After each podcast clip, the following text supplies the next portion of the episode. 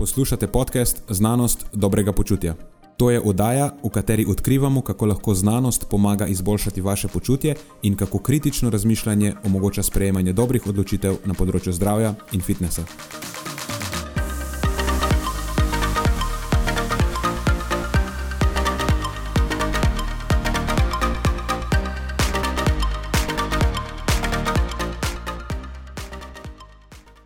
Preden začnemo, pa se moram zahvaliti še našim sponzorjem. Zaenkrat to še vedno ni velika korporacija, temveč zvesti poslušalci, ki nam izkazujete zaupanje in podporo s prijavo v našo člansko skupino Znanost dobrega počutja. Hvala vsem, ki s tem držite luči prižgane in omogočate podkastu, da raste in postaja še bolj kakovosten. Hvala tudi vsem, ki nas podpirate s pozitivnimi komentarji in visokimi ocenami, ter s tem, da priporočate podcast svojim znancem in prijateljem. Zdaj pa je končno čas za začetek epizode. Uživajte ob poslušanju. Uh,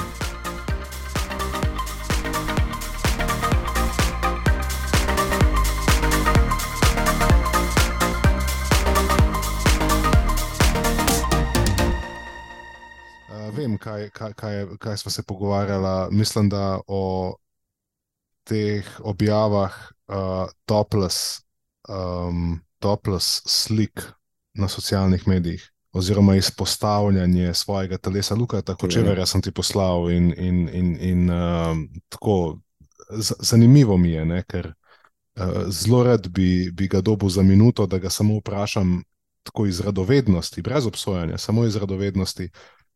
Um, ker verjamem, da neke stvari mogoče vidi, ki jih jaz ne, čemu je, na, ne, čemu je to namenjeno. Zdi se mi zelo podobno kot tisto, what I eat in a day uh, objave, a veš, what I eat in a day, se pravi, čemu je to namenjeno. Um, Jaz predvidevam, kakšen bi bil odgovor.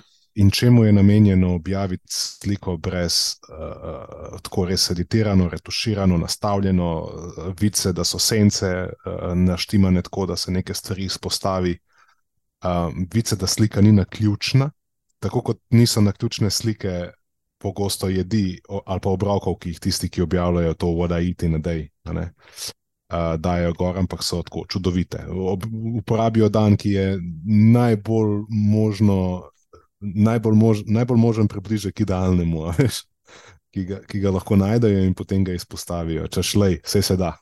Kurirajo sporočilo. Kurirajo sporočilo, ja, tako. In, in zdaj se res sprašujem, kaj razen tega, da imaš neko notranjo potrebo po, po, ali, ali po neki potrditvi, ali po, odkje za vraga to zdaj izvira in čemu je zares namenjeno. In to je bilo moje vprašanje o takih vsebinah, vedno znova se mi to pojavi. Kot rečeno, jaz predvidevam, kakšen bi bil odgovor. A te zanima? Zelo. Enostavno. S tem želim motivirati tiste, ki me spremljajo, da je to nekaj, kar je dosegljivo tudi za njih, ker sem dal tudi korake, kako sem to dosegel, recimo v tem primeru, delam to, to, to in to, ali pa dajem napotke, kako se lahko to doseže, kako sem jaz to dosegel. Je pa tukaj potem še vedno vprašanje, to je nekaj, kar ti deklariraš, da je namen tega. Vprašanje je, če je zares. Lahko da se s tem samo slepiš. Ma, če bi mogel tako, da bi mi dal zdaj na izbiro, da eno možnost, dam, da odgovoriš, ali pa da predvidiš, kaj bo moj odgovor, bi bila to moja izbira. Rekel bi, ja, rekel boš, da pač motiviraš nekoga, ali pa da predstaviš, kako se da neki, ne se pravi, kao, da je nek tak pozitiv reinforcement. Um, ampak se oba najbrž zelo strinjava, koliko je to vse skupaj luknjasto in zavajajoče, milo rečeno, zavajajoče. Um, ker je enostavno za, za ogromen procent tistih, ki jih nagovarjaš, veš, da je neizvedljivo, upoštevajoč njihovo izhodiščno točko, ki je daleč stran od tvoje.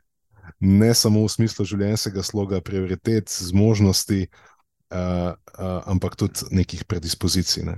In, in pa se spet vprašaš, lej, Kada gledaš vse na bolj tako laufa po 10 sekund na 100 metrov in, in objavlja svoje videe, in, in, in potem kao, le motiviram te, tudi ti lahko. Laufaš po 10 uh, ne, na 100 metrov, a res lahko, mislim. Tudi vprašanje je, koliko so uporabni taki nasveti, ko jih nekdo daje na podlagi svojega primera. Tudi če jaz sem to dosegel tako in tako, ok, v redu, ti si, kako je to uporabno komorkoli drugemu kot tebi. Ja, Ti samo potrjuješ, potrjuješ sam sebe s tem. Točno to je. Glej To. to se mi zdi, da je pa tisti tist resnični razlog. Resnični razlog, v, v, v, tako če da vas stran vse te racionalizacije. Pa, ne, Glej, kaj vse prej. jaz delam.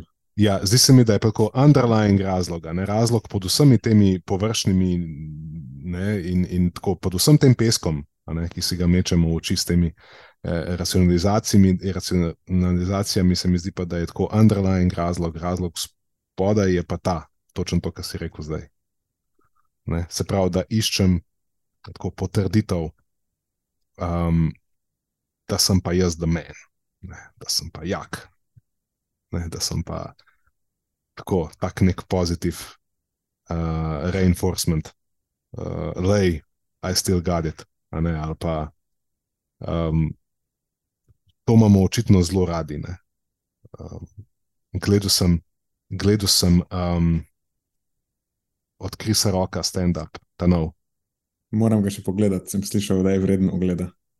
Um, jaz imam zelo osko sito za te stand-upe. Ogromno jih je na Netflixu, ogromno jih je posod, vsak ima nek zdaj Netflix special.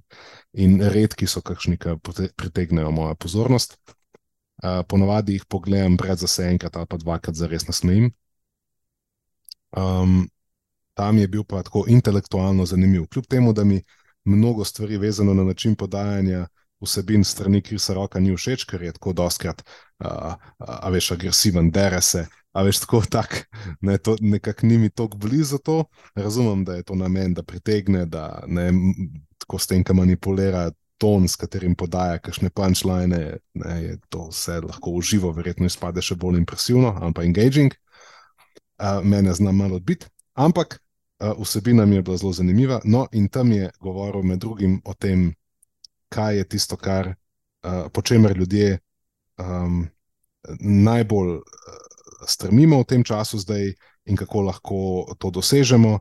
In da ne bom zdaj spoilil uh, vsega tega skupaj, ena izmed stvari, ki je rekel, je, da je pozornost ne, tisto, kar, za kar smo pripravljeni narediti največ v današnjem času.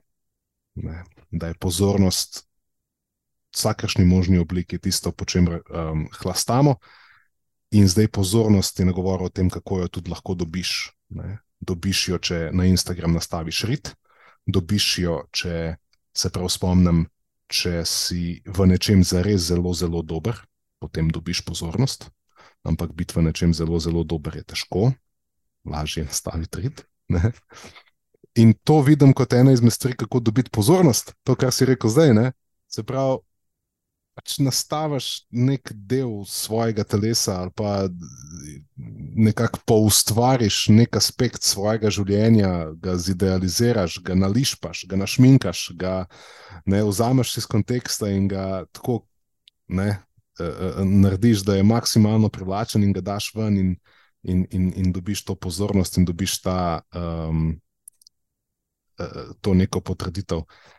In um, zdaj, dokler je to nekaj, kar nekdo naredi enkrat na vsake kvatre, si mislim, da pač ok, le, v, v, upoštevajoč vso, vse vsebine, ne, vso maso vsebin, ki jih nekdo producira. Pa če je to nek zelo mehen procent vsebin, ki jih predstavljajo takšne vsebine, si misliš, ok, ajde le.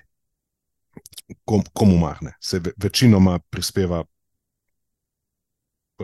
res vredne vsebine. Ampak, če je pa to nekaj, kar res začne zasedati večinski prostor, ali pa se vsaka stvar obesi na to, pol pa nekako se mi zdi, da imamo to, kar imamo. Kaj pa vem? Razmišljaš tudi ti? Poz, iskanje pozornosti je, oziroma dobivanje pozornosti na ta račun, je mogoče malo bolj nek proksimalni vzgib. Uh, obstaja en globi, ultimativni bolj, se mi pa zdi ta, da s tem iščeš neko vrednost. ker to, da ti ljudje dajajo pozornost, te na nek način potrjuje. In zdaj, če je ne dobiš za dost na neke druge načine, potem jo lahko dobiš tudi skozi take objave. Še zmeraj mislim, da je globji razlog tega, zakaj se take objave ustvarjajo, da vzdržuješ to neko predstavo o sebi, ki jo imaš, da si, da si vreden uh, pozornosti. Tukaj se mi pojavljata dve nasprotujoči hipotezi. Prva je ta, ki pravi, da če imaš pozornost v svojem intimnem krogu ljudi, da je več krogu zaupanja, partner, da imaš izpolnjujočo vezo, družina, otroci, prijatelji, potem bi po tej hipotezi take osebe se počutile dovolj izpolnjeno, dovolj potrjeno znotraj ljudi, ki jim zares nekaj pomenijo, da neke potrditve tujcev ali pa ljudi, ki jih zares ne poznajo, svojega sledilstva, recimo, da zares ne bi potrebovali na ja. tak, način, na tak način. In to je ena hipoteza. Pa druga hipoteza, ki pa jo potrjujejo številni primeri, ki jih opazujem, spremljam uh, že leta, pa uh, mi, mi ne dajo miru. Zdi se mi, da kljub temu, da za nekatere vem, da imajo um, vse prenašteto, ali pa vsaj tako pravijo, zdaj ja, ne, tega ne morem vedeti, nismo blizu. Ampak zdi se mi, da potem pozornost postaja tako, postaješ odvisen od nje. Uh, upam, da se bom znal prav izraziti. Kada je tako neka. Uh, a veš, več je imaš, več je hočeš situacija. Razumeš, kje je nasprotujoča hipoteza? Ker eh, več je dobiš v, v, v mašijo v svojem okolju, in potem več, kaj dobiš strani ostalih ljudi, ki jih na nek način ne poznaš, je drugačna vrsta pozornosti, ki te drugače potrjuje. No, in, in ja, več kot je. Tako, uh, to, to, to se mi zdi, da, da opazujem te dve. Je to odvisno od posameznika? Um, ne, ključna beseda je, da je drugačna vrsta pozornosti. Drugačna vrsta pozornosti. Ne, da je več. Veš, to, sploh ljudje, ki na svojih profesionalnih profilih objavljajo take stvari, oni imajo lahko izpolnjeno, vem, družinsko življenje, recimo, imajo nek krok prijateljev, krok zaupanja, zgrajen, pa dobijo tam znotraj zadosti te specifične pozornosti. Ampak na profesionalnem področju še zmeraj so neki drugi kriteriji, po katerih ceniš in svojo vrednost, in to, koliko, pa kakšno vrsto pozornosti dobivaš. In potem nekdo, ki pa mogoče čuti manjko na tem področju, bo iskal tudi tam pozornost skozi take objave. Ne bo objavljal, le kako dobro družinsko življenje imam, pa iskal potrditev tam, ker tam jo evidentno ima, najdejo v svojem uh mhm. -huh. družinskem življenju, bo pa iskal potrditev v nekih drugih aspektih. Ne. Poglej, kaj vse jaz znam na tem mojem področju, kako dober strokovnjak sem. Tako da se na nek način oboje prepleta. Ne? In bi mogoče lahko ob pomankanju enega kompenziral pri drugem. A bi celo rekel, da potem potrebuješ obe obliki. A smo ljudje take vrste živali, čist... da potrebujemo obe obliki pozornosti? Ja, ja, itak, da potrebujemo obe obliki pozornosti. Mislim, sej, to, da se ti počutiš kompetentnega pri tem, kar delaš, je eden izmed najbolj osnovnih vzgibov vsakega človeka, se mi zdi. Da si zadovoljen sam s sabo se počutiš kompetenten. Sploh za moškega se mi zdi to še bolj pomembno. Mislim, da moški, moški in ženski tako na drugačne načine uh, iščemo vrednost.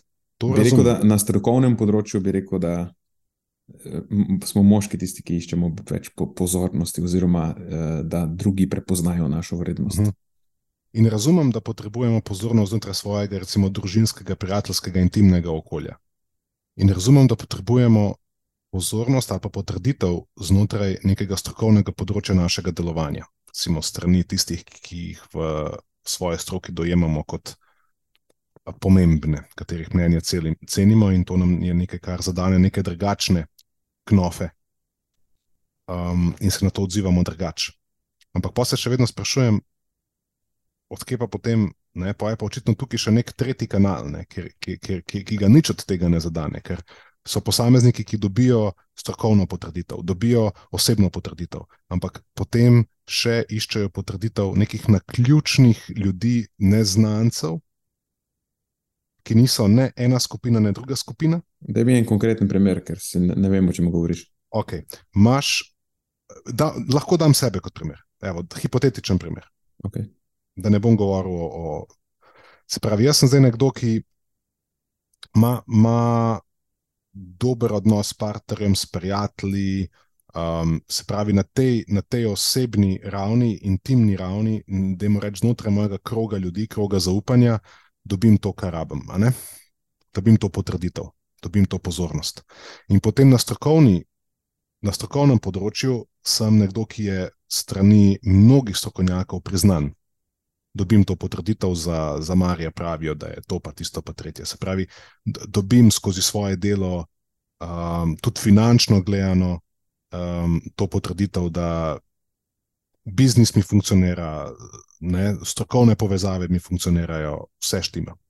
Ampak, evo, kljub temu, pa potem nekaj v meni pride in mi sporoči, da pa kljub temu naredim vsebino voda iti na dej. Ali pa da se slikam brez majice v nekih ne, retuširanih okoliščinah, in dajem gor, da sem star skoraj 40 let. Pa, um, ne, ne, pravim, zato ona moja predpostavka, da obstaja nek globi, bolj ultimativni razlog, mislim, da boljše pojasni ta fenomen kot iskanje pozornosti. Uh mhm. -huh. Ker ne gre se sploh samo, ti že pozornost dobiš. Poveti nekdo, da si dober strokovnjak, uh mhm. -huh. dobiš pozornost od svoje družine, pa prijateljev, pa pokriješ te potrebe, ampak še zmeraj je tvoja predstava o samem sebi. In če imaš ti na katerem koli področju tukaj dvom, boš vedno iskal več potrditve. Če ti dvomiš, recimo, o svoji strokovnosti, ti lahko vsi na svetu povejo, koliko si ti strokovnjak, ampak ti boš še zmeraj imel dvom. Če nisi sam sebi demonstriral in nisi samozavesten s tem, boš v to dvomu in boš, boš iskal še več potrditve ali gre lahko za nekaj bolj plehkega, mogoče na tej tretji točki, ali gre lahko za nekaj tako plehkega, da se zavedaš, da je to nekaj, kar dobro prodaja. Mislim, lahko je čistko utilitaristično, oziroma pragmatično. Zato pravi, lahko, je lahko, je lahko ja, nekaj, mogoče. kar. Ne, recimo, ne bi izključil tega. Ja, se zato, da ni glih neka pozornost, ampak si pač razmišljaš, premisliš si, narediš si. Ne. Se pravi, to je nekaj, kar veš, da, ljudje, da, da so to vsebine, ki maso ljudi, ki jih pač ne, so v bistvu bolj ne samo na nek način followeri, kupci, potencijalni stranke, potencijalne. Um, Ih vedno pritegne, se vedno na take vsebine odzivajo, torej se odločiš, pragmatično, kot si rekel, da jih boš delal, čeprav ne rabiš nobene za res potrditve, ampak jih boš delal zato, ker vedno lahko skozi ta vrata ne, še nekaj dodatnega uh, uh, prodaš ali pa še nekaj dodatnega spromoviraš kako naivno od mene. Ne? Ravnal sem se potem v Henlonovem razorju, ki pravi: Never attribute to malice that which is adequately mhm. explained by stupidity. Uh mhm. -huh. In sem pri, pripisal vse uh mhm. -huh. skupaj neki, ne, neki realni potrebi.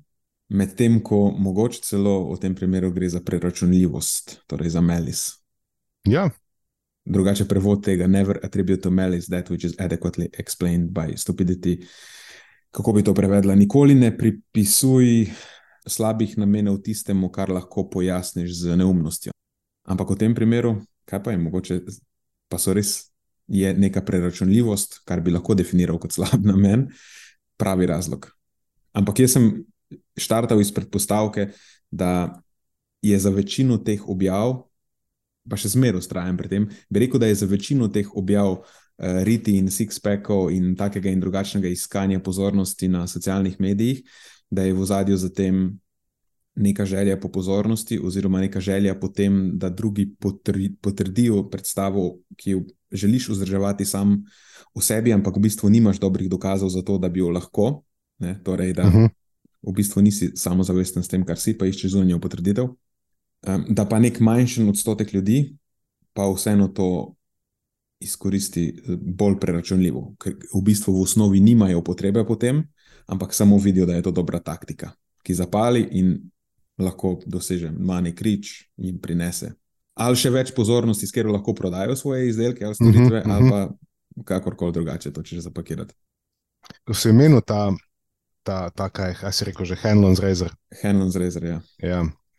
Um, si tako v mojih možganjih naredil klik asociacijo na če se prav spomnim, sem bral, da se je Sokrat že takrat v svojem času preizpraševal glih o tem, ali so ljudje zares ali celo zagovarjali to, da, da, da v osnovi niso škodoželjni, kolikor ne znajo v različnih situacijah oceniti um, škodljivosti posledic svojih dejanj.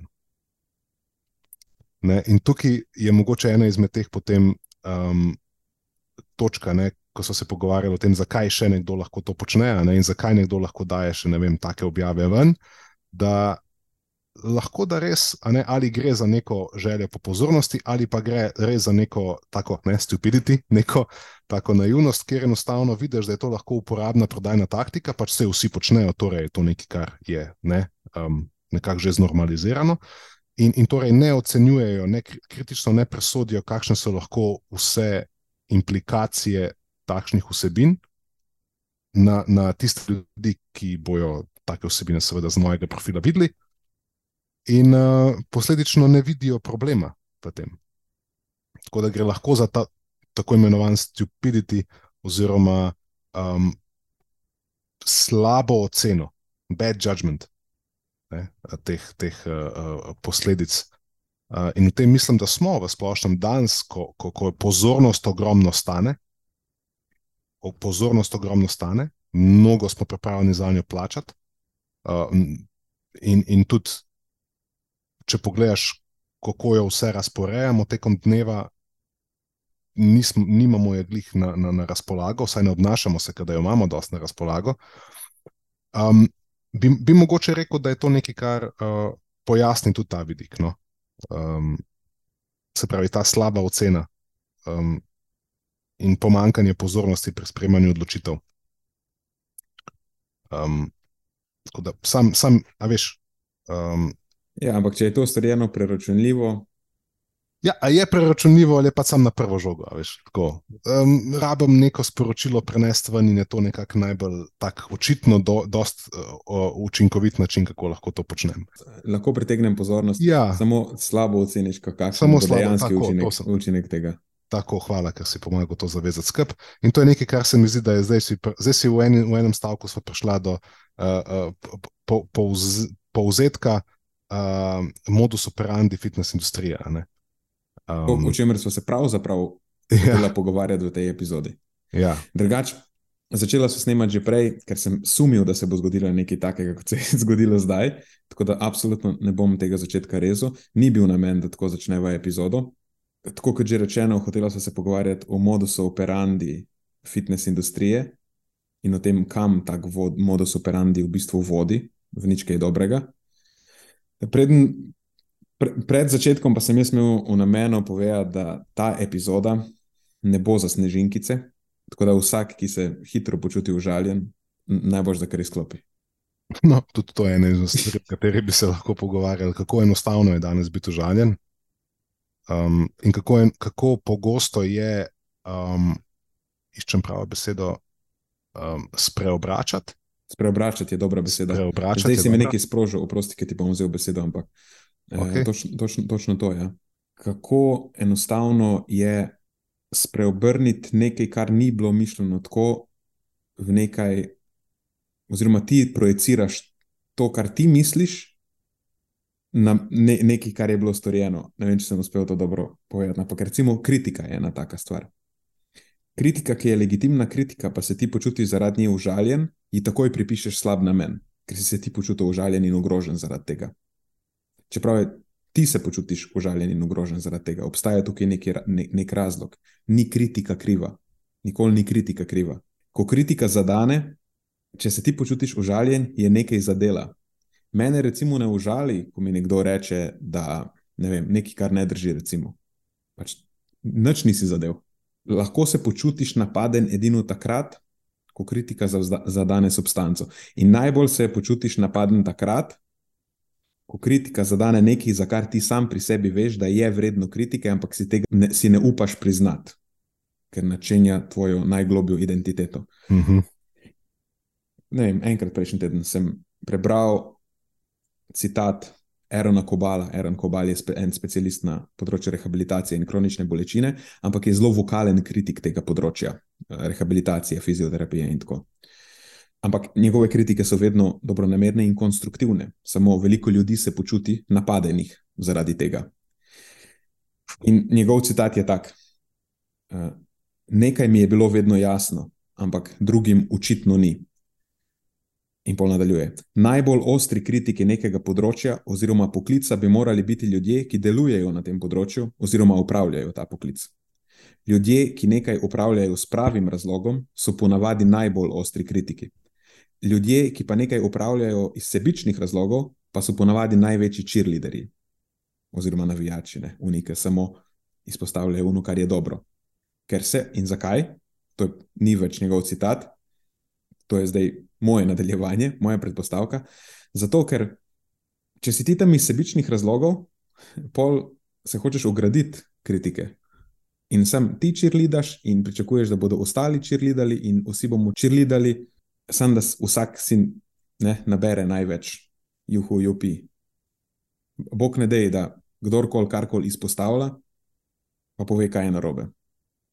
Ampak, če misliš, da si nekaj zasluži kritiko, potem to kritiziraj povej, kaj je narobe in predstavi, kaj bi lahko bilo boljše. Ker s tem, da ne kritiziraš, če si ti tukaj na tem področju iz pravega razloga, želiš, da je to področje boljše in da napreduje.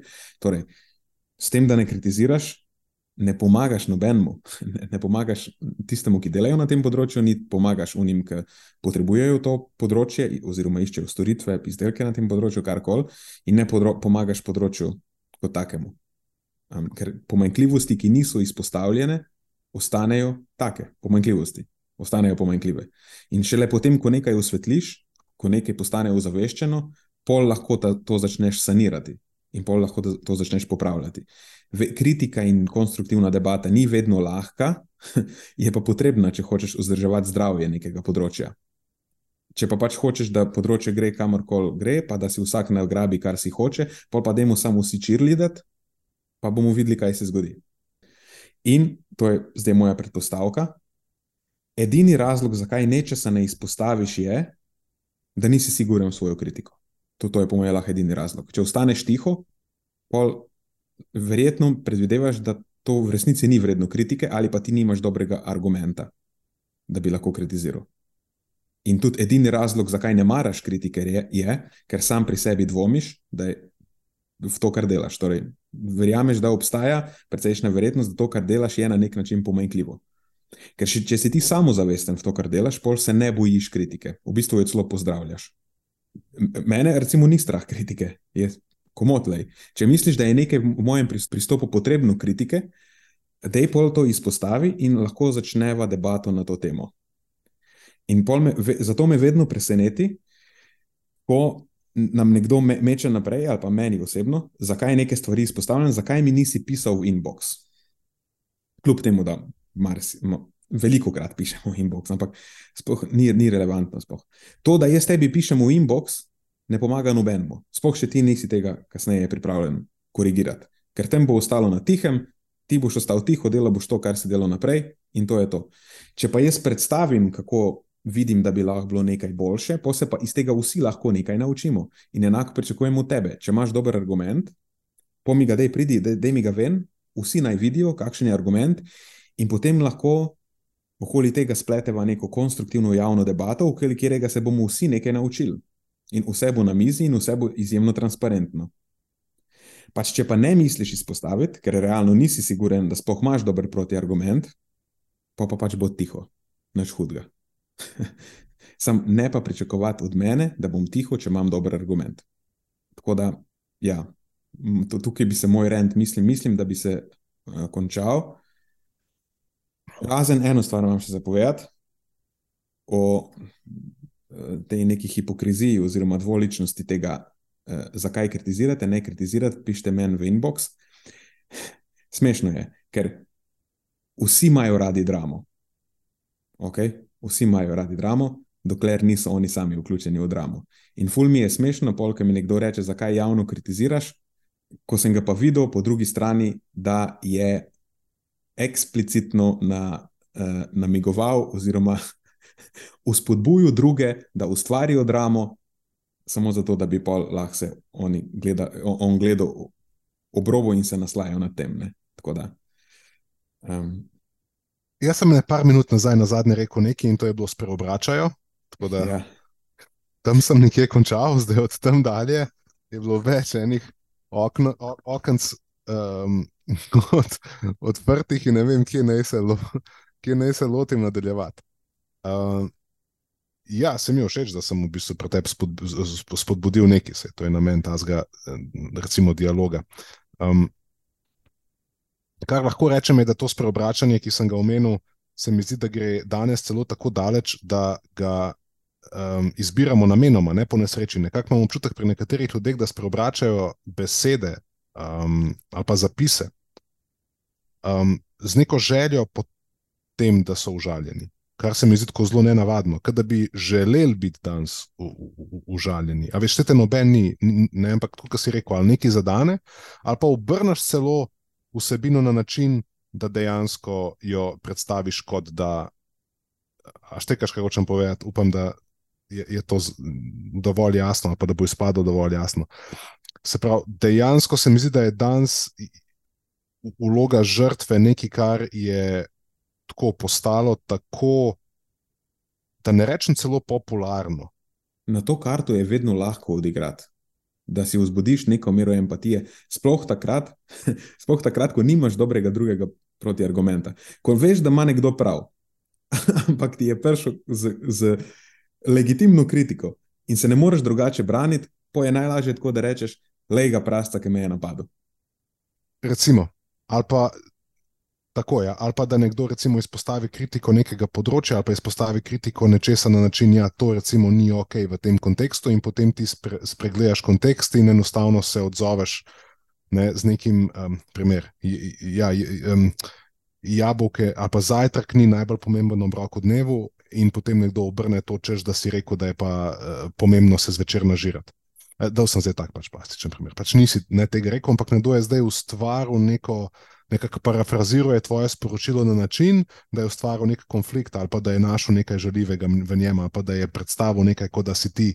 Ne? Se pravi, zdi se mi, da iščemo to, da, da skoraj da ne znamo več uh, brez sodbe, brez lastne predlage, neko vsebino zgolj iz radovednosti in želje po perspektivi poslušati ali pa temu slediti. To se mi zdi, da je danes neverjetna redkost. Um, in, in se sprašujem, kam to potem zares vodi, ne? ker če so vsi ob vsaki stvari, ki jo daš ven, užaljeni, um, in če vsak je potem lahko um, na nek način žrtev, kako potem sploh razbrati iz vsega tega, kdaj je nekaj zares vredno omembe in izpostaviti kot problem, in kaj so vse neki mini problemi, ki jih sproti ustvarjamo in, in zamaskiramo celo področje. Temu se reče mikro, mikroagresije. Mikroagresije, ja, da potem sploh težko prepoznaš, kaj je zares tisto, kar je vredno um, to vrstne pozornosti. Ampak tisto, kar se bi pa rad navezal, ko si rekel, da uh, edini način, ed, mislim, edini razlog ali pa pomemben razlog, zakaj se nekdo vzdrži kritike, je, da ni prepričan v svoj argument. Tukaj sem prepoznal samo nekaj uh, enega škrata, ki se je pa pri meni pojavil, zakaj se uh, zadnje čase dosti krat vzdržim, pa bi ga lahko delil kot istočnico na to. Uh, vse tisti, ki me spremljajo dlje časa, vejo, da že tako praktično 15 let sem kritičen, sem kritik, sem se prepoznal v tistem opisu oziroma definiciji, ki si jo prebral. Um, najbrž me je še kdo drug prepoznal. Kritičen sem zato, ker imam rad to področje dela. Kritičen sem zato, ker imam rad tudi sebe in bi rad izboljšal tako sebe, kot izboljšal to področje dela. Čist neka osnovna higiena je. Tako, je. tako osebna kot strokovna in zato sem kritičen.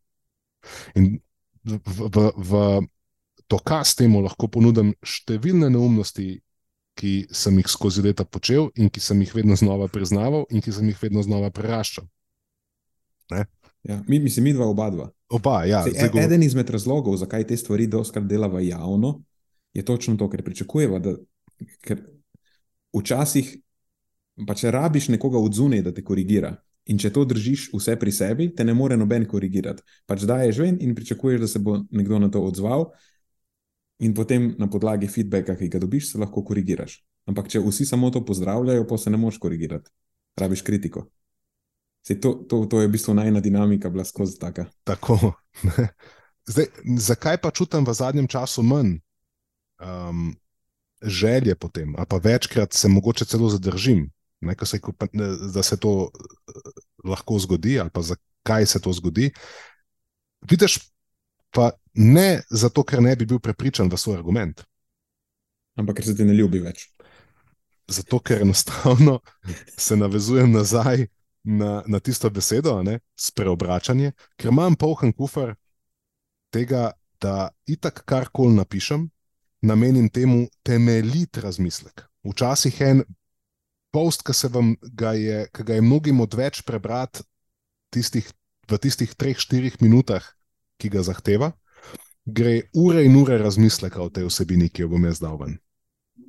Da bi potem dal to ven in vse, s čimer bi se post-festom ukvarjal, je posamezniki, ki tega ne preberejo, ne posvetijo neke um, prave pozornosti in samo spreobračajo moje besede, da bi našli v njih nekaj, v čimer so lahko užaljeni.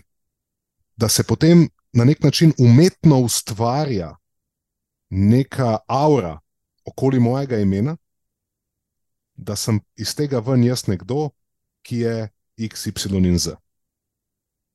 In to je eden izmed razlogov, zakaj mi je danes v tem okolju to težje početi, ker ne vidim ali pa imam težavo videti, v kakšnih okoliščinah bi bilo to zares ustrezno interpretirano, ali pa vsaj interpretirano fair, z neko mero radovednosti in um,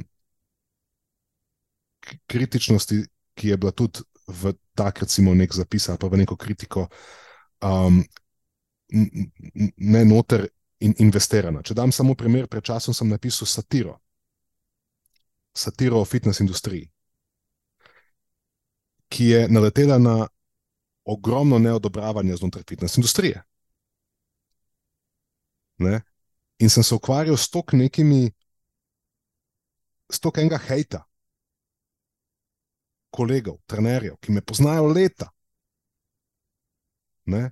ki so iz tega ven našli neke segmente zapisa, ki sploh ne obstajajo, jih interpretirali ven in naredili iz tega ven neko zlobo, ki je čist izven konteksta. In potem tukaj je nekaj, kar ti enostavno jemlje, uh, jemlje potem energijo, kot si rekel, da bi sploh se res deloval na tak način, na vzven in, in se potem znajdem, vsaj jaz osebno, dosti krat v precepu, kjer ta neka osnovna moja nastavitev in ta neka osnovna odgovornost in želja potem, da prispevam po svojih najboljših močeh najprej pri sebi in na to pri področju, pri področju kjer eh, imam čas delovati, na tak način, da bi poskušal podati neko konstruktivno kritiko, ko potem to storiš ne, in si soočen s posledicami ali pa z odzivi, ki pa nikakor niso zares primerni, ali pa ustrezni, ali pa koristni, ali pa nekako drugače bi to želel opisati. Celo, še več, niti neutralni niso, so kontraproduktivni. Um, našel sem se v tem, kar si povedal zdaj. Sej, veliko govorimo o tem, jaz sem tudi trenutno v tej fazi, ker sem v precepu, pa včasih se mi.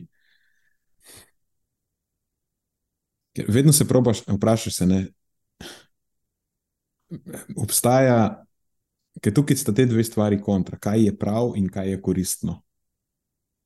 Ker to, da se okoli tebe ustvarja aura kot nekoga, ki je skozi sam kritičen, pa kao napada ljudi, ne, ne v resnici, ampak kot posledica tega, da ljudje preobračajo tvoje, ne samo besede, ampak na mene, to definitivno ni koristno, poslovno ni koristno, ker si ustvarjaš nek tak imič nekoga, ki je manj prijazen, ali kako hočeš to, to povedati. Sam, sam po drugi strani je pa potem vedno sam pri sebi se vprašaš, kaj je pa tisto, kar je prav, kar, je, kar je prav narediti, ne? kar je v skladu s tvojimi vrednotami. Ja. In, uh, jaz mislim, da sem zdaj že nekako v, v končnem delu te faze. Sej, treba je najti neki kompromis med tem dvojem. Sam mislim, da je pomembnejše tisto, kar je prav, ne kar je koristno. Uh, ker te potrebno je sprejeti neke žrtve. V življenju ne moreš imeti lepih reči, če nisi pripravljen na žrtve. In zdaj bom prebral en kvot nekoga, ki je tebi zelo ljub, je Denzel Washington. Uh mhm. -huh. In ko odgre takole. Ko te hudič ignorira, potem veš, da delaš nekaj narobe. Ker hodič pravi, ne, ne, pusti njega na miru, on je moj ljubljenec. Ko pa hodič pride pote, pol pa je to najbrž zato, ker delaš nekaj prav. Ker zdaj hodiča to moti in te pride iskat. Poanta je, ja, da takrat, ko delaš nekaj prav, se bo na te usul kup dreka. Pač nek tak rule of thumb, ponavadi. Uh -huh. ponavadi. Najprej. Najprej, ja. In če, če sploh smemo uporabiti to zgodbo, ki se na to navezuje, boš, jo, lej, boš videl, kaj boš s tem naredil. Ampak nedavno smo bili na enem sestanku um, s predstavniki vodstva, smem reči, Fitness Zveze Slovenije. Zdaj si že povedal. Ja, sej pač vse. In uh, sej, sej tvoj podcast. Ja. In, uh, in, in tisti, ki so spremljali ravno to našo plat kritičnosti, vejo, da nekatere stvari izpostavljamo, vejo, da nekatere stvari ti si izpostavil v podkastu, jaz v svojih zapisih. In smo bili kritični tudi do nekaterih konkretno drugih um, posameznikov, podjetij, praks, ki enostavno lej, povzročajo ogromno škodljivih posledic, s katerimi se na koncu soočajo, soočamo mi in naši kolegi. Na konkretnih primerih posameznikov. In ko smo te stvari začeli izpostavljati, smo razburkali vode, ravno tistih, ki si jih takrat, ne, prej, ki si govoril, ki bi radi imeli ta kumba, ja, fake, fake, fake področje, da le, nihče nič ne kritizira, vsi sam delimo svoje in ne, se ne ukvarjati s tem, kaj je prav, da je vsak sam čim več k sebi nabrati in bomo vsi, vsi umetno srečni. In, in ko, ko, ko smo šli pikati te mehurčke, ne, se je ven zlilo ogromno žoča, in, in ogromno ljudi nas je označilo za vse, kar pač ni, ni bilo na mestu, čeprav, ne, kot si rekel, nismo nikogar kritika je bila na, na, na dejanja in na prakse, ne pa na uh, ad hominem. Ne. In tudi fitna zveza se je v nekem momentu od nas, ne, malo smo šli v nos s tem, joj, zakaj pa zdaj oni to počnejo. Ne. In ko je minilo nekaj časa, nas je vse na sestanku presenetilo, da ja, veš, malo smo razmislili, vam damo prav. Te stvari ni prav, da se dogajajo in nekdo jih mora izpostaviti. Ja. Se spomniš, kako smo ja. se pogledali? Ne? ne, da bi mi to rabili, ampak mi je bilo pa zanimivo in se navezuje na to, kar si rekel. Ko se lotiš tega, ne, najprej boš mogel tako. The devil will come. ja, ja. ja. In, in enostavno je to dovolj, dovolj, do, dovolj da mnogim vzame to, motivacijo ali pa vzame uh, željo, da karkoli zares reče in se pač skrije, da jaz bom pač delal svoje, in, in to je to, ne bom se petljal v, v druge posle. Čeprav ne, ravno te tuje prakse, oziroma škodljive prakse, potem neposredno in posredno motijo ali pa vplivajo na, na celo področje, kjer želiš delati. Ne. Prej, ko sem rekel, da sem. Uh, nekako na koncu te faze, in da se nagibam bolj k temu, kar je prav, da je sicer potrebno izbrati neki kompromis, ker na koncu smo vseeno še privatno podjetje in moramo skrbeti tudi za, za ta del. Je potrebno najti neki kompromis, pač ne morem biti all out, pa biti čist pes, strgan z verige, ker, se mi, ker se mi tako zdi prav. Že vseeno to, kar je prav, in naj pač pride hodič. Že skozi to se mi zdi, da če uspeš najti okolje, ki te bodri, ki te podpira, kjer, ki, ki, ne, nekak, kjer imaš čvrste temelje v, v pravih vrednotah, potem se mi zdi, da se lažje tudi učiš skozi to vrstno izpostavljanje. Učiš se, da kljub temu, da na papirju narediš vse prav, pa, pa nisi žaljiv, pa si tako podprt z dokazi, argumenti. Um, da še vedno so neke mehke reči, na katere pa lahko vplivaš. Recimo, da, ja. da nisi posmehljiv, da vedno imaš mogoče možnost izbrati to ali pa drugačno besedo, ali pa izpostaviti stavek tako ali ne. Se pravi, vedno obstajajo te neke nianse, na katere pa imaš vpliv in jih mogoče lahko ne zanemarjaš, in se potem sklicuješ samo na to, da jaz kritiziram, zato ker mi je mar, vi pa vsi, ki skačete v luft, ste pa pač sam preveč občutljivi. Ne? E, tako da tudi tukaj govorim v prvi vrsti zase, sem mogel priti precej daleč, da sem bil pripravljen sprejeti odgovornost ne samo za to, kar počnem, ampak tudi za način, kako to počnem. Um, in glih to je mogoče pa tudi eh, razlog, zakaj ne moreš to početi pogosto, ker če hočeš biti tako premišljen v vsem tem, to pobere ogromno od tebe. Ne govorim samo o času, ampak ene, ene, ene energije, kar ti jemlje potem tudi uh, kapacitete za ostalo delo, ki ga opravljaš. Tako da tukaj je ta kompromis, o katerem si govoril, tisti pomemben del. Ne. Ampak. Um, Mislim, zelo good point je. So ženici imajo nekaj tako, zdaj ga bom zelo parafraziral, ker ne vem, kaj točno na pamet. Ampak da v bistvu ni vsak odgovoren samo za svoje dejanja, ampak je odgovoren tudi za dejanja drugih. Ker na nek način ti ne obstaješ v izolaciji, ampak s svojimi dejanji interaktiraš z okoljem. Če kdaj pa danes. Ja, in, in tvoja dejanja do neke mere sprožajo dejanja drugih ljudi. Ne pomeni, da prevzemaš vso odgovornost za to, kako se drugi vedajo do tebe, ampak delno s svojimi dejanji vplivaš na dejanja drugih. In nisi odgovoren samo za svoje dejanja, ampak tudi za dejanja drugih, posredno. Vedno je tvoj del odgovornosti. Tako da, absolutno spremem to. In, uh, sej, to je bil tudi en zelo pomemben nauk te faze tukaj mislim, da je velik del tega kompromisa leži na tej predpostavki. Ja, naredi, kar je prav, ampak to tudi naredi na korekten način. In ga probaj vse skozi um, izboljševati. In tudi bodi pozoren na, na to vrsto kritik. Če nekdo reče, da to nisi povedal tako, kot ali pa mi je padlo zelo težko na dušo, ok, v redu. Ali lahko to naslednjič naredim drugače da ti bo lažje padlo na dušo. Lahko prevzamem ta del odgovornosti, ne mislim pa nehati.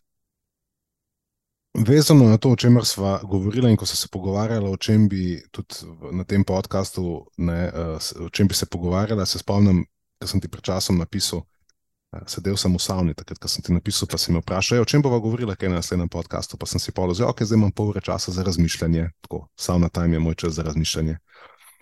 In, in, in um, mislim, da sem ti napisal nekaj v tem smislu, ta dvojnost oziroma egocentričnost, dvojnost meril oziroma egocentričnost fitness industrije. Oziroma, ne, se spomniš uh mhm. -huh. o, o, o tem, kako zares egocentrični smo pri pristopu k svojem delu, kot recimo. Eh, mnogi trenerji in prehranski svetovalci na eni strani, na drugi strani pa komuniciramo oziroma komunicirajo, če želimo pomagati ljudem. Zakaj počneš to, kar počneš? Zato, ker želim pomagati ljudem. Ne? In tukaj vidim tako res eno ogromno vrzel vmes, eno tako veliko, veliko, veliko past, v katero na koncu pač padajo tisti, ki nas poslušajo. Um, če primerjamo naš poklic, poklic trenerja, poklic prehranskega svetovalca oziroma nutricionista, in želimo, da bi bil spoštovan podobno kot so spoštovani nekateri drugi zdravniki z bistveno daljšimi, um, ko ne rečem, leti obstoja. Veš, kaj mislim? Ne? Uh mhm, -huh. Primer, nek, nekdo, ki je zdravnik, nekdo, ki je odvetnik. Obstajajo neki, vedno so izjeme, ne me zdaj za izjeme, ne? pač vedno imaš one outliere, ki pač vsaki, na vsakem področju delajo, v vsakem poklicu delajo neumnosti. Ampak obstaja nek konsens, kako how we do things. Se pravi, ni tako, da zdaj zdravnik splošne medicine ali pa nek odvetnik znotraj neke odvetniške prakse pač ima možnost pristopati, kot se mu pač zazdi, ko obravnava tvoj primer. Ne? Obstajajo neki, neki temelji, gre po nekih protokolih. Ne, um, ne prične, vsaj v splošnem, se spomniš, ko si ti rekel, ne, ne, ne začne se ukvarjati nekdo z poklicem odvetnika ali zdravnika iz vzgiba, da je rešil svoj problem. Tako. Jaz sem, a, a veš, imam primer. Jaz sem imel nek legal issue, a veš, imel sem nekdo me je tožil, ker sem bil star 17, pa 18, pa 19, pa sem pa začel raziskovati pravno, liter, pravno literaturo, pa sem jaz potem rešil ta svoj pravni primer, ne, in potem sem se odločil, da bi bilo fajn, če bi jaz postal odvetnik, pa bi potem pomagal še drugim na tak isti način. Tako. Kdaj se to zgodi? Načeloma ne. Načeloma ne. Tako. Ne bi v absolutizmih, govoril bi načeloma ne. Seveda obstaja kje kakšen savant, ki je pred 18. tako naštudiral pravo, solo in pa šel na pravno, in, ne, ampak načeloma ne. In podobno ne obstaja nekdo, ki bi rekel, ali pa ne, ne obstaja večina ljudi, ki bi rekla: Ja, veš, ko sem bil star 16 let, ali pa 17 ali pa 18, sem rešil nek svoj medicinski problem, a ne imel sem neko bolezen, pa sem naštudiral, kako se jo pozdravi. In sem se odločil, da bi bilo fajn postati zdravnik. Se pravi, razlogi, zakaj se ukvarjamo s poklicem, ker želimo pomagati ljudem, so ponovadi malo drugačni in gremo po nekih drugačnih korakih. Najprej se učimo nekih strokovnih osnov, temeljito, postavimo strokovne, trdne temelje, na katerih stojimo, in potem od tukaj ven. Ja, v, bistvu, v bistvu obstaja še en bolj pomemben razlog na, na začetku. Pač razlog za, greš v ta poklic, ker si želiš pomagati drugim ljudem, ne zato, ker si rešil svoj problem. Tako. Tako, no, to, to, je, to je moj moj point, če se je zgubil slučajno, hvala lepa. Poglej naš poklic, poglej poklic trenerja, poglej poklic prehranskega svetovalca in nutricionista. Bil si športnik, ukvarjal si se s športom, verjameš, da je šport zelo pomemben, tebi je šport zelo pomemben, bil si debel, se postal si, začel si športati, spremenil si prehrano, shujšal si, imel si neke svoje motnje prehranjevanja, pa si se ukvarjal s prehrano, ker je prehrana pomembna, pa si pa šel na DCHF, pa si skušal z DCHF. E, e, veš, na kaj ciljem? Se pravi, rešil si nek svoj problem, ali pa rešuješ nek svoj problem, ugotovil si, kako ta stvar na tebi funkcionira, in potem si se odločil, da če pa na meni te stvari funkcionirajo, pa če jaz lahko tako treniram, pa če meni ta stvar, da tako treniram, tako koristi, pa če jaz tako jem, pa če je meni to omogoča doseči take rezultate, potem najprej to razširim na krog bližnjih, potem pri enih pač dosežem neke rezultate, pa ok, v redu, in zdaj je čist eh, kontra pristop. Se pravi, začnem na sebi in potem svetujem drugim in delam z drugimi, kot da so podaljšek mene. In tega mislim, da mnogi trenerji, mnogi nutricionisti nikoli te plošče ne uspejo zamenjati. Spravi večino svojih, svojega razmišljanja, svojih prepričanj, svojega podnavednicami znanja ali pa celo svojo prakso najprej postavijo na temelju tega, kar, je, kar so ugotovili zgodaj, da funkcionira za njih, in potem jo skozi nadaljevanje in skozi recimo, služenje denarja in skozi delo z ljudmi samo na nek način potrjujejo, ne preizprašujejo, ne iščejo nekih napak v sklepanju, ne posodabljajo svojega znanja, eh, razumevajoč, kako recimo, interpretiranje neke strokovne literature na tem področju dela zares poteka. Ampak se enostavno popolnoma pokrijejo s plahto svojih izkušenj, in svojih osebnih nekih um, praks in temeljijo iz tukaj ven. In potem, če pogledaš malo to, kar nam tudi doskrat rečejo stranke ali pa doskrat rečejo kršni naročniki, ja, vrš smo zbrali zato, ker pri vas pač nismo zaznali, da ste ali vem, vegani ali um, oni, ki govorijo, da so oglikovi hidrati problem, ali oni, ki govorijo, da moraš, ne vem, sam trenirati petkrat na teden, ali a, a razumeš, ne? Pravi, in če pogledaš naše področje, imaš prehranske svetovalce, ki so ali vegani, ali LCHF-jevci, ali oni, ki mislijo, da, so, da, da, je nek, da je treba jesti petkrat na dan, ali oni, ki mislijo, da je postenje sam zakon, ali oni, ki mislijo, da je Herbalife top. In imaš trenerje, ki so zagovorniki crossfita, te oblike vadbe, one oblike vadbe, tistega pripomočka, tretjega pripomočka, dihanja a veš različnih metod. Kdaj greš k zdravniku splošne medicine, ki je zagovornik tega, onega, tretjega, četrtega?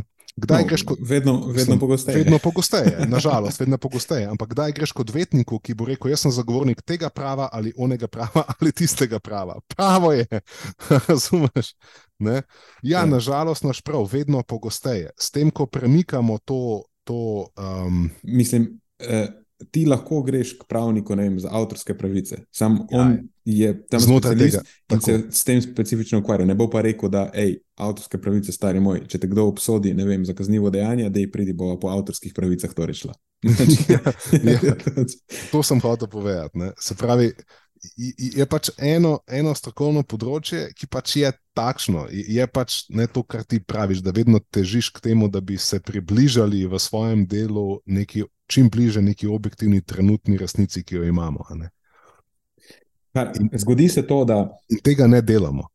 tebi je nekaj uspelo, zdaj si dosegel rezultate in se počutiš ful dobro, in si postaviš nek kult osebnosti, gledaj, kako sem jaz super, in potem ta evangelij širiš naprej med ostali ljudi.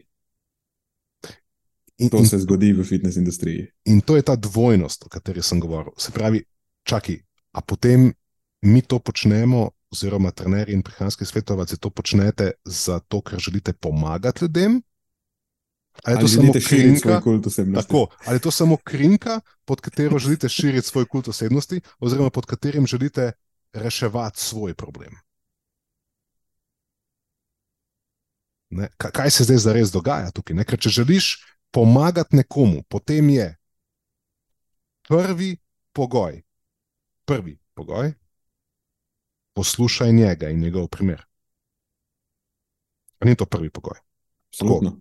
Če želim tebi pomagati, potem ti moram najprej prisluhniti. Pravzaprav, bolj kot sebe uspeš odstraniti iz te Tako, zgodbe, Iz te zgodbe. boljši si, bolj uspešen si. Jaz, ko sem šel k um, psihoterapevtki um, in sem imel pač v, v, v najtemnejših obdobjih um, potrebo po tem, da neke stvari skomuniciram z nekom, za, za koga čutim, da me bom znal nekako voditi skozi te moje misli. Zanimivo, nikoli nisem slišal o tem, kako je ona imela neke svoje probleme, ki jih je delila z mano. Me razumeš? Ja, ja, je BMT. Ne? Lej, človek je strokovno usposobljen za to, da pomaga ljudem reševati svoje probleme. Jaz ne razumem, zakaj ona meni ni povedala, hej, Marijo, veš, kaj sem imela pa jaz take težave. a ne? Meni je ful pomagal, če sem tudi tisto ali pa tretje. Kaj pa, če bi tudi ti to probal, mogoče bo pa tudi te pomagal. ja. Kaj bi si mislili, če bi bili tako tretirani pri nekomu takšnemu, ki ti ponuja strokovno psihološko pomoč? Rekel bi, da se ti fuknem. Ja, st- strokovno, res je. Ampak pazi zdaj to. Zdaj pa naj se vsak sam pri sebi vpraša, a to ne velja za vsako vrsto pomoči. Recimo doma, s partnerjem, s komerkoli. Ko ti predstavi nek problem, kaj je tvoj prvi impuls? A, a veš, da mu iščeš rešitve, ali da mu ne. In, in pol ponavadi ta stvar ne uspe, kot si zamislil. Klik zato, ker si štartal iz sebe najprej. In to štartanje iz sebe je moja največja zamera trenerjem in prehranskim svetovalcem. In, in to v bistvu, hotel sem to reči, da ne velja samo sploh na strokovnem področju, ampak velja v vseh odnosih Ja, med ja, živimi ljudmi. ja. Če Jaz hočeš razumiram nekomu- na to področje, Ja. mi je pa všeč, da ti nekako vedno znova razširiš to. a Ne, na, tako da vem, ki je moja tukaj slepa pega. Jaz imam pač neko to zelo močno strast do, do, do tega področja, vse je toliko let mogoče in toliko zgodb in toliko ljudi. Vse v redu je, ker se v tem se specifično pokvarjava, sam da dokončam to misel. Da kjerkoli hočeš komorkoli pomagati, je najboljša prva stvar, ki jo narediš, to, da sebe čim bolj umakneš iz tega problema. Mislim, razen če si ti konkreten problem, potem moraš Ja, pa se ne moreš, pa se moraš Ja, pa se ne moreš umakniti. Ampak recimo, da nekdo pride s tabo z, neko težavo, ki jo ima in išče uteho v tvoji bližini ali pa ne vem, kakršno koli asistenco, pomoč, whatever. Je najbolj konstruktivno to, da sebe čim bolj umakneš iz tega problema in poslušaš njegov problem. Se, na začetku mu itak sploh nič ne svetuješ, sam poslušaš, kaj ima za boja. Doskrat je že sam to zadost, ker bo itak sam rešil svoj problem, ker bo najbolj korektno za njim. In zdaj, če se s tem v mislih vrnem nazaj na naše področje, Sej pri prehrani je podobno tako. Ti sebe daš ven, pri vadbi verjamem, da je isto. Ti sebe daš ven, umakneš se, kar se da, poslušaš ga, kar ima reči, vidiš, kje ima on probleme, in pol doskrat moraš samo kako vprašanje še dodatno postaviti si ga bo sam rešil. Sicer veš, v približno v kateri smeri moraš korigirati, pa kakšno vprašanje moraš postaviti. Ampak v večini primerov so ljudje sami rešili težave. Z A, nekim ustreznim vodenjem, v Tako. smislu, da pač dobra vprašanja moraš postavljati. Točno to, ne? ali ti bo pa dal, s tem, ko mu postaviš pod vprašanja in izkažeš neki iskren interes, da bi razumel, kaj ti hoče sporočiti, ti bo, če, ti ne bo, če ne bo sam uspel rešiti svojih uh, težav, ti bo pa vsaj lahko zelo jasno signaliziral, po kateri poti bi si želel iti, pa ne zmore porabiti tvojo pomoč. Tako. Jaz se v zadnjih letih ne spomnim, kdaj sem eni stranki svetoval, da naj je ali pa trenira približno podobno kot jaz.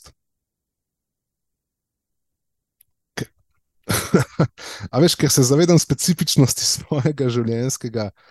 Uh, svoje življenjske situacije, svoje, svoje zgodovine poškodb, svojih uh, nekih prehranskih omejitev, zdravstvenih omejitev, ne, in, je popolnoma nerelevantno.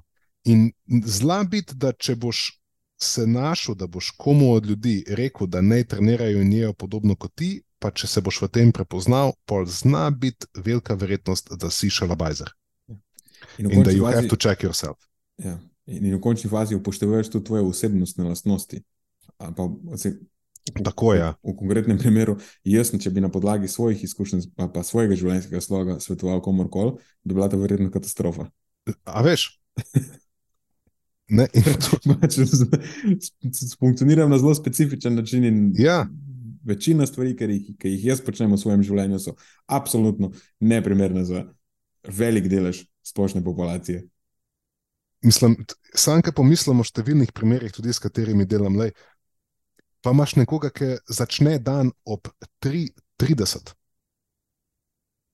in ima akumulacijo 8-urnega delovnika do 12, praktično. In njegov dan se skoncentrira v to obdobje, in potem popovdne se mu dan popolnoma spremeni. In imaš dan nekoga, ki se zbudi ob 11 in večino dela opravi ob 9 zvečer, ker ima pač tak šiht. Ali pa nekoga, ki ima petčlansko družino, pa ima čisto drugačen lifestyle. Pa imaš nekoga, ki je samski, pa nekoga, ki je ne vem, tak ali drugačen. Kako za vraga lahko si tok omejen ali pa omejena, da misliš, da pa zdaj to, kar ti počneš, ta tvoj, ne vem, 16-8 postenje ali pa ne jesti tega in tizga, ali pa kombinirati tega ali tega, ali jej tokrat in tokrat na dan, ali pa velik tukaj obrok, pa mehen tam, pa te tvoje ne, dogme, ki si jih okoli sebe zgradil, ali pa zgradila, kako si lahko tako omejen, da misliš, da je pa to nekaj, kar bo za vse te raznolike primere enako učinkovito, in da so samo oni tisti, ki so problem, če jim potem to ne uh, učinkuje. In da ti v bistvu zares imaš samo dobre namene in želiš pomagati. To je pa zgodba, ki si jo potem poveš. Ja, še ena zgodba, ki si jo lahko veš, pa bo spet Henlonovo rezilo, rezilo uporabno, je to, da na podlagi potrditvene pristranskosti ti za to, kar je pri tebi delovalo, najdeš dokaze in si ustvariš neko sliko, kako je to v bistvu primerno za vse ostale, in potem dejansko misliš, da je to primerno za vse ostale. Pač napačno sklepaš na podlagi potrditvene pristranskosti in si s tem nekako pravičiš, zakaj probaš to, kar je delovalo zate, zdaj pa kar v to prisiliti še vse, vse, ki iščejo tvojo pomoč, ker to je najboljši način za vse. Jaz vse, kar lahko je na tej točki še delim, trenutek, ko sem imel ta pogovor sam s sabo. Preden sem se mi jaz spoznala, po prvih petih letih svoje prakse, jaz sem imel ogromno, ogromno, ogromno izkušenj. Imel sem to neko srečo, da sem zelo zgodaj začel delati za izjemno različno paleto ljudi. Vrhunski športniki, olimpici, duhovniki, eh, ljudje, ki so bili vredni milijone, do ljudi, ki niso imeli 500 evrov penzije. Izjemen nabor različnih posameznikov. In moja uspešnost pri pomoči tem ljudem na področju prehrane, predvsem, je bila katastrofalna. Za nič sem bil. In ko sem bil, ne vem, kaj v meni, ta neka notranja potreba po, po, po, po napredku, po rasti, po izboljšanju, ko sem si postavljal ta vprašanja, kot sem jih postavil prej, pač v luft, hipotetično. Mene je bilo pre, prežel me je sram, da se nisem bil sposoben pogledati v gledalo, v oči. In tisto, kar sem si rekel, je, ok, to je zdaj kup dreka, ki ga moraš pojesti. Kaj boš naredil? Imáš eno od dveh možnosti, oziroma imaš dve možnosti. Zbral boš eno. Prva, vse to boš pometel pod preprogo. Vzel boš še, še večjo in še težjo um, neko racionalizacijo, kjer si boš ustvaril neko močnejšo iluzijo, kako tisto, kar ti počneš, v bistvu zares je prav. In to so samo neki primeri, kjer ne, so slučajni, pač lej, neki pri njih je bilo narobe. Ali boš pa ostal zaprisežen temu, kar praviš, da ti je pomembno, pa v bistvu skozi pri teh vrednotah nekako tip tovaš okoli njih, ne pa si jih malo prilagajaš. In benti, mogo boš če res hočeš pomagati ljudem, pogledati pa v oči tem ljudem. Mogoče boš pogledati, kaj je tisto za res, zakaj jim to, kar si jim svetoval, ni delovalo in koliko od tega je dejansko tvoja odgovornost.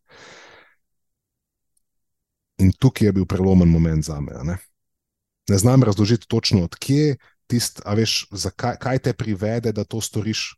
Ne znam tega razložiti, ne znam razložiti, zakaj bi nekdo to naredil in zakaj sem jaz te stvari naredil, zakaj sem se tako matro, da je to reči. To je v bistvu, to, to, matraš se.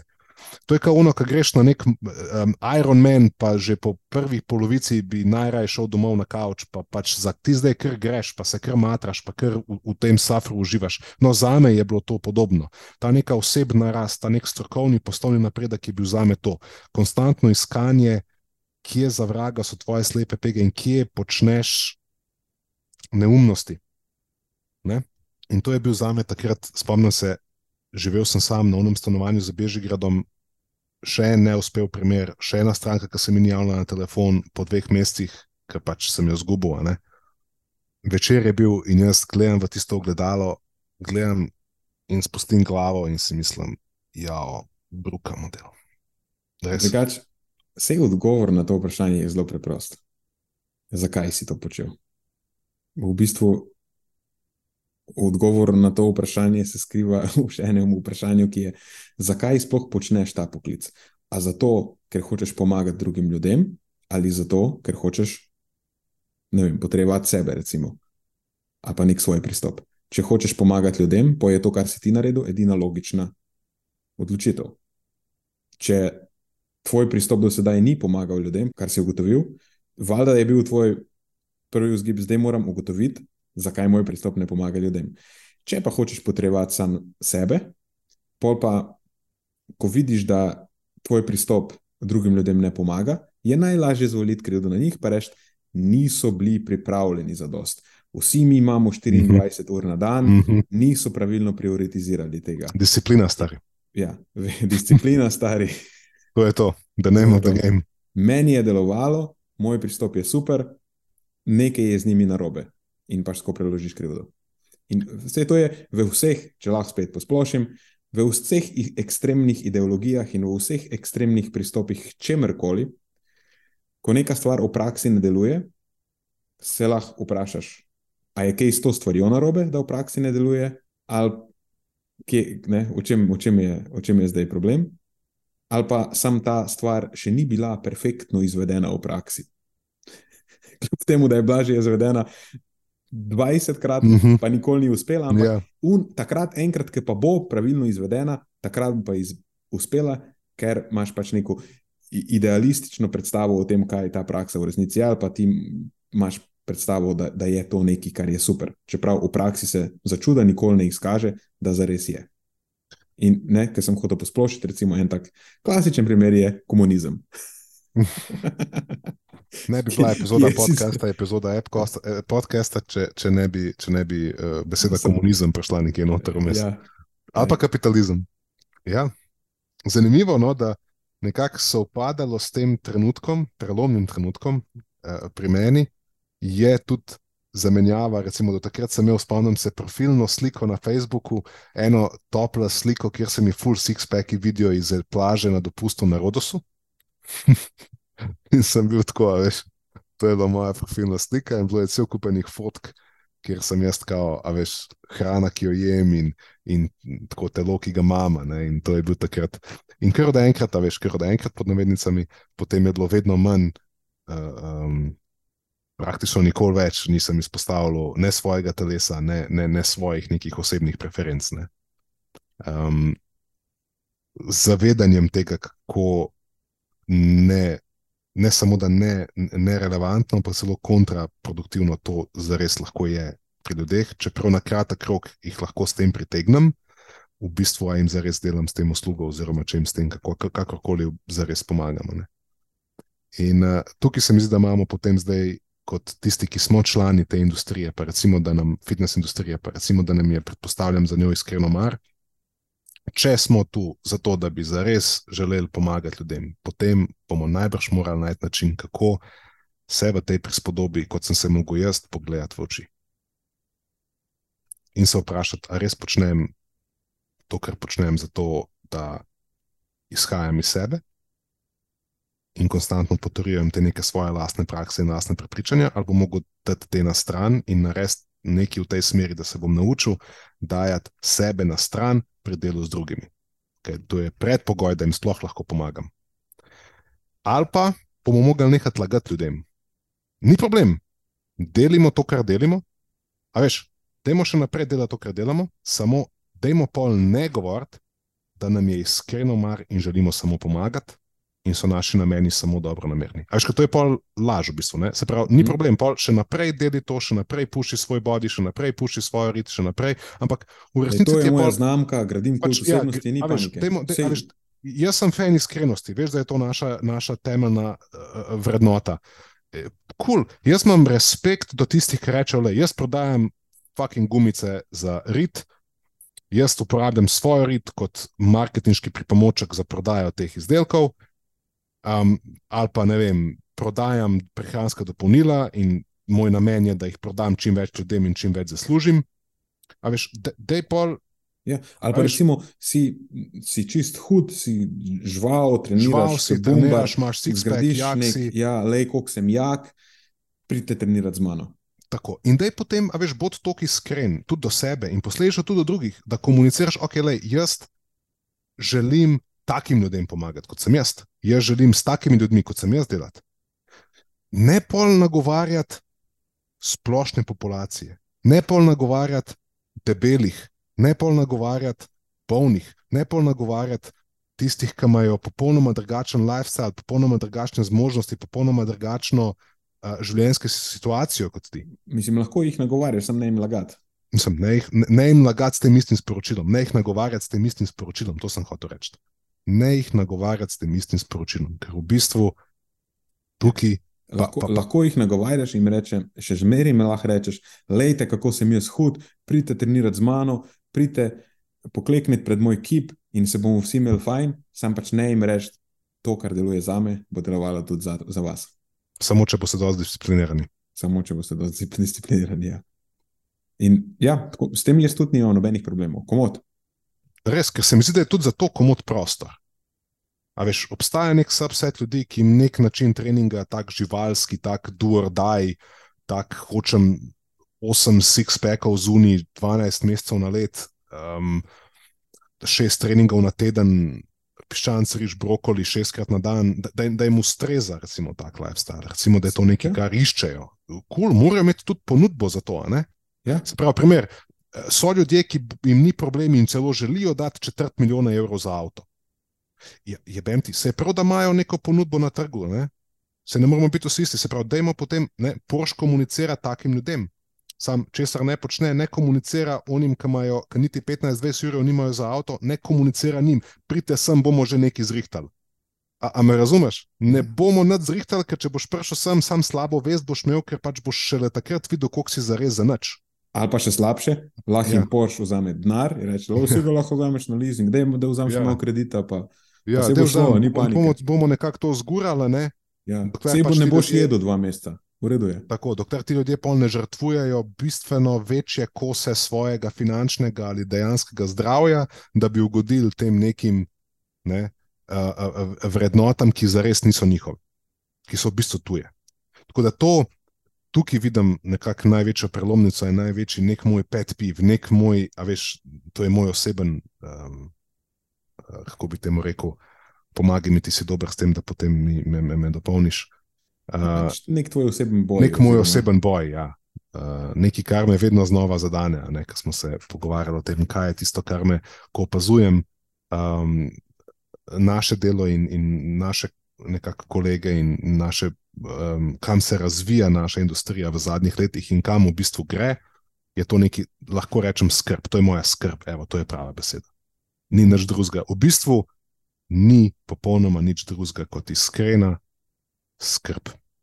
In nekaj mislim, da se zgodi od neke točke dalje, ko sediš na štiri oči s takšnim številom različnih ljudi, kot sem to v zadnjih 15-16 letih počel jaz. Nekaj se v človeku spremeni, če si človek. Drugač ne vem, bi, kakšen bi mogel biti, da se me to ne bi dotaknil. Jaz imam težavo ločiti osebno od poslovnega in to je nekaj, kar potem pri meni vedno zadane v eno isto. In, in ko vidim, s čim vse se ljudje ukvarjajo, kje vse je njihova bolečina in kaj vse so do zdaj bili primorani. Preizkusiti, ko mi razlagajo o svojih preteklih izkušnjah, ker zanimivo, jaz sem zelo redko kdaj prva izbira večine svojih strank. Ko vprašam, kako da ste danes tu, redko slišim, praktično nikoli. Ja, našla sem vas na internetu. A ste do zdaj kdaj že bili, kdaj pri kakšnem drugem trenerju ali pa prehranskem svetovalcu? Ne, vi ste moj prvi. Never happens. Bila sem pri tej trenerki tam, ki mi je dala neke uh, uh, uh, paščke name, pa mi rekla, da če bom hodila po traku s tem v 20 minutah, bom skurila 1500 kalorij. Potem bil, bila sem pri tistem trenerju, ali pa bil sem pri tistem trenerju, ki me je gonil, ki živino šestkrat na teden. Ali pa ne, bila sem tukaj, bila sem tisto, bila sem na tej dieti, bila sem na oni dieti. Se pravi, a veš, to, vedno se ne poslušamo vsega, kar so ljudje mogli dati čez, popolnoma po nepotrebnem. No, to je torej tisti tvoj Ja, ja. ja to ti, ti si tvoj prav in narobe. Ne? A si predstavljaš, da bi lahko iti do 17 odvetnikov, preden bi dobil en pravilen, um, pravilen, um, pravilno mnenje o neki svoji konkretni pravni zadevi, ki jo imaš? Ker bi ti vsak prej. Ja, če bi se to zgodilo, če bi bil to primer, potem veliko ljudi, odvetnikov, ne bi jemalo resno. ja, exactly. Ne? In ne boš verjel, zelo veliko ljudi, vedno več, nas ne jemlje resno. Prehranskih svetovalcev na splošno. Ja, hvala, da me vedno znova popraviš. Prehranskih svetovalcev in fitness trenerjev, vedno manj resnih ljudi, jemlje resno. Kruta realizacija, ampak če bomo tako nadaljevali, jaz ne vidim, kako bomo uspeli dobiti nek spoštovanja vreden prostor kot poklic, ki dejansko ne. lahko pomaga ljudem. Ja, mislim, fitness industrija kot taka bo čisto razvrednotena bo divji zahod, vsi bodo vedeli, da je divji zahod, ki je free for all, to se bo zgodilo. Strah pred tem je bil pravzaprav povod uh -huh. za mhm. epizodo te vrste. Ja. Pravzaprav dan danes se z našim področjem, večina ljudi, ki deluje na tem področju, se do našega področja obnaša kot do ene kurbe, ki pač pridejo in sam vzamejo, kar je zauzet, in grejo naprej, in potem pridejo novi in spet jo skoristijo, vzamejo, kar je zauzet, in grejo naprej.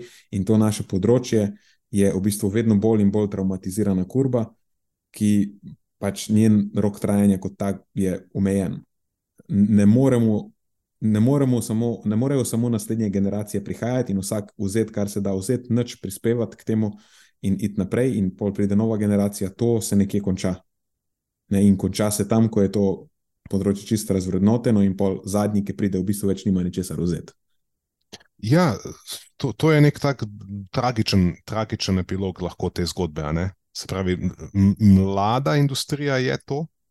Uh, spomnim se svojih začetkov, prehransko svetovanje ni obstajalo, ni bilo nutricionista, prehranskega svetovalca, ki bi tako delal, kot delamo, recimo, mi danes in naši kolegi z ljudmi, 16 let nazaj. In, in rel, veš, to, to je zelo mlada industrija. In jaz se včasih pošalim in rečem, da smo zdaj šele v bistvu kot neki um, adolescenti, ki so, kako se adolescenti obnašajo. Ne? Na, najbolj, največ neumnosti počnejo, najslabše uh, ocenjujejo tveganja in posledice svojega početja. In to je mogoče tisto neko ključno, kritično obdobje, kako bomo zdaj mi tega adolescenta, kot odgovorni posamezniki, ki to razumemo, vodili, usmerjali na tem področju, prisostovali, se udejanjali, da mogoče res se ne zgodi to, kar si rekel. Ja.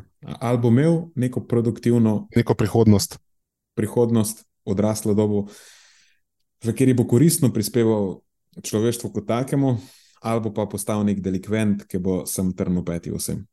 Ja, ko, kot neki posamezniki, za katere že vnaprej vemo, da niso v bistvu zares tukaj z namenom nam pomagati, ampak z namenom obrniti cache. In pol je samo vprašanje posameznikove iznajdljivosti, osebnih karakteristik, da enostavno uspe potem s svojimi taktikami, ki bojo, verjamem, da vedno bolj mogle biti ekstremne. Ta etični zdrs v ravnanjih, izpostavljanju vsebin, bo mogel biti vedno bolj bizaren, da bo, da bo um, učinkovit. In um, to, to, je, to je potem tisto, um, kar ja, se enkrat... veš. Overtonovo okno se vedno pomika.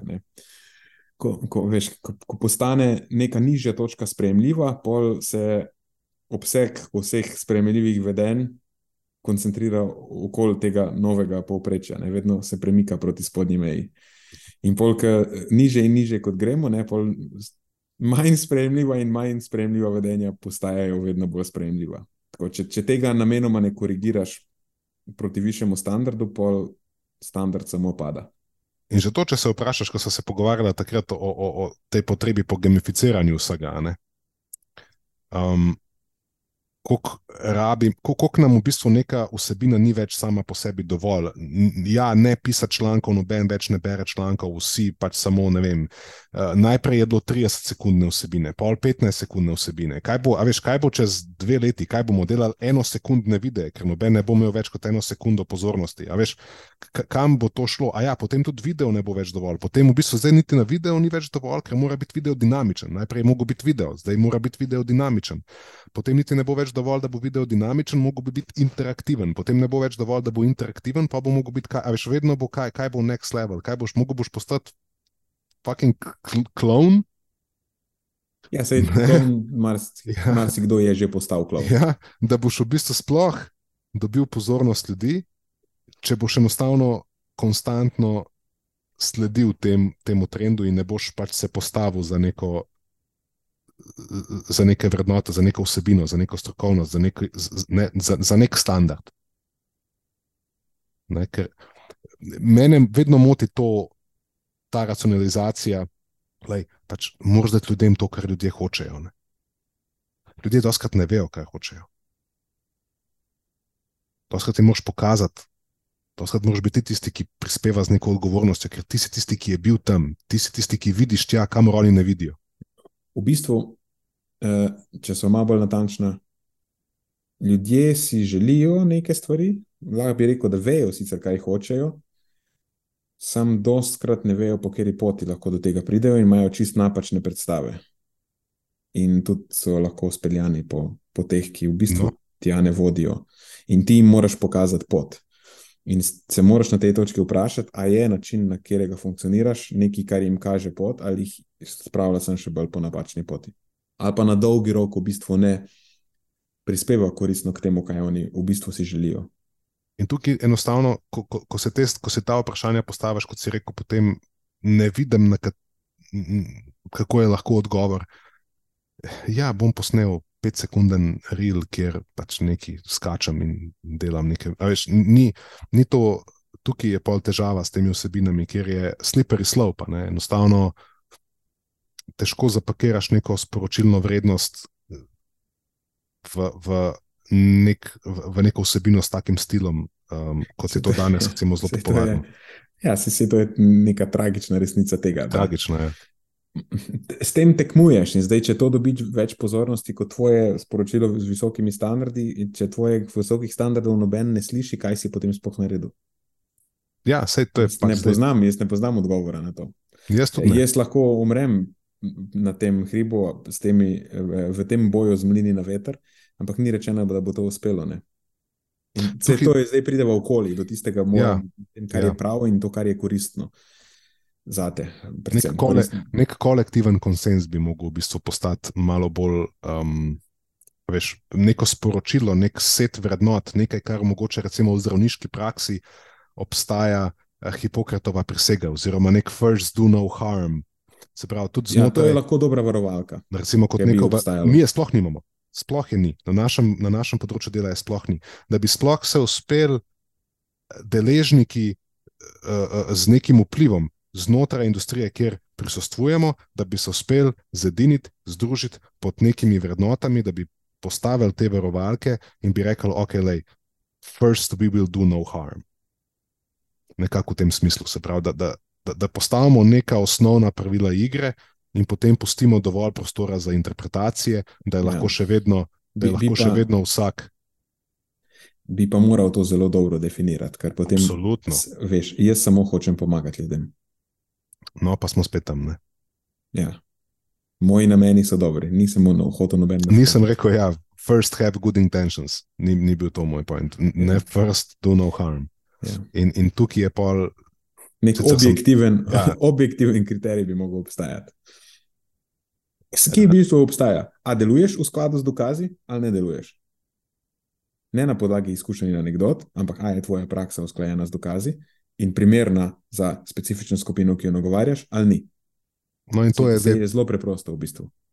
In to je zdaj pač nek, neka ideja, ki, ki, ki, ki jo imamo in ki jo poskušamo živeti, ne, postaviti neko društvo, postaviti neko skupnost, postaviti pač nekaj znotraj, recimo, konkretno industrije.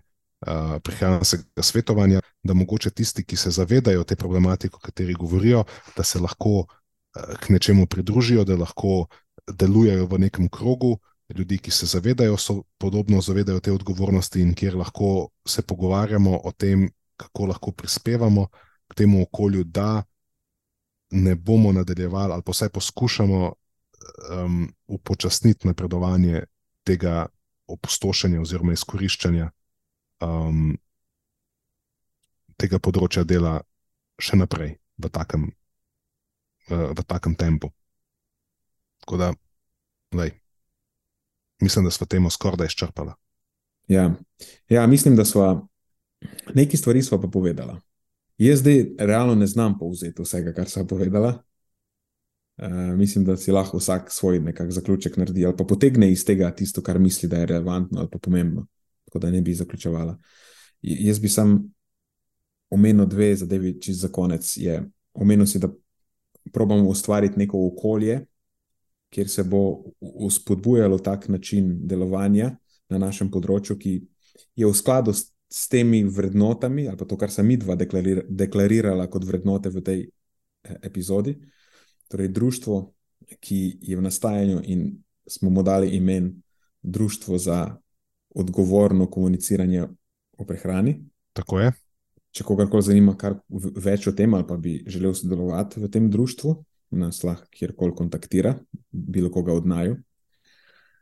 Druga stvar pa je še ta, da mimo tega društva, to je nekaj, kar smo počeli že v preteklosti z našimi, v principu, s temi, ki so prišli k nam na prakso. Bilo je v preteklosti kar nekaj nadebudnih svetovalcev in trenerjev, ki so prišli k nam na prakso. Veliko jih pol tudi eksplicitno pove, da je bil čas prakse preživeti pri nas v bistvu eno izmed najbolj najbolj vrednih obdobij v njihovi karieri, ali pa vsaj v, v začetku, da so se marsikaj naučili. In, in to, o čemer smo se zdaj pogovarjali, je nekaj, kar, če ne eksplicitno, je vedno tudi em, implicitno vključeno v proces mentoriranja ali pa prakse pri nas. Ne. In, nikoli nismo bili ne naklonjeni eh, nekim prošnjam za takšno ali pa drugačno obliko uh, pomoči. Mentorstva, kar tega, ja, mentorstva, kar se tega tiče. Ali bi, bi ti dodal kaj še na tej točki? Ne, to, kar si ne, se pravi, ena je, ena je društvo v nastajanju, o katerem bova govorila več, ko bo dejansko nastalo. Trenutno so papiri v obravnavi in, in, in čakamo nek, um, um, neko povratno informacijo. Društvo se imenuje uh, Društvo za odgovorno komunikacijo o prehrani. Uh, in o tem bo govora več, verjamem, da v prihodnosti. Ve, um, Drugo je pa pač naše mentorstvo, ki je do zdaj nikoli nismo izpostavljali na vzven, ker je se je vedno odvilo nekako uh, dosta organsko, spontano in organsko. Mlajši, predvsem mlajši uh, trenerji, mlajši prehranski svetovalci uh, so prišli, potrkali na vrata, rekli, da jaz bi si pa želel, ne vem, svojo lastno prakso, začel bi, rad bi začel delati, imam te pa te izkušnje, imam to pa to znanje.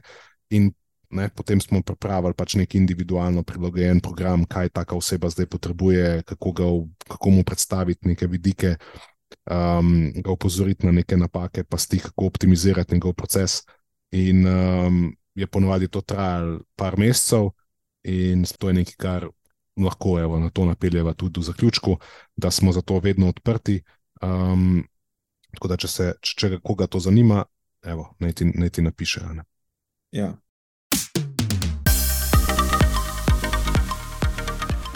To je za tokrat vse iz naše strani. Hvala, ker ste poslušali do konca. Delite epizodo s svojimi znanci in prijatelji in jo priporočajte dalje, saj s tem omogočite, da sporočilo znanost dobrega počutja doseže čim večjo množico. Hvala vsem, ki nas podpirate s članarino in tudi vsem ostalim, ki delite podcast dalje in nam izkazujete naklonjenost z visokimi ocenami in pozitivnimi komentarji. Se slišimo prihodnjič, do takrat pa ostanite premišljeni.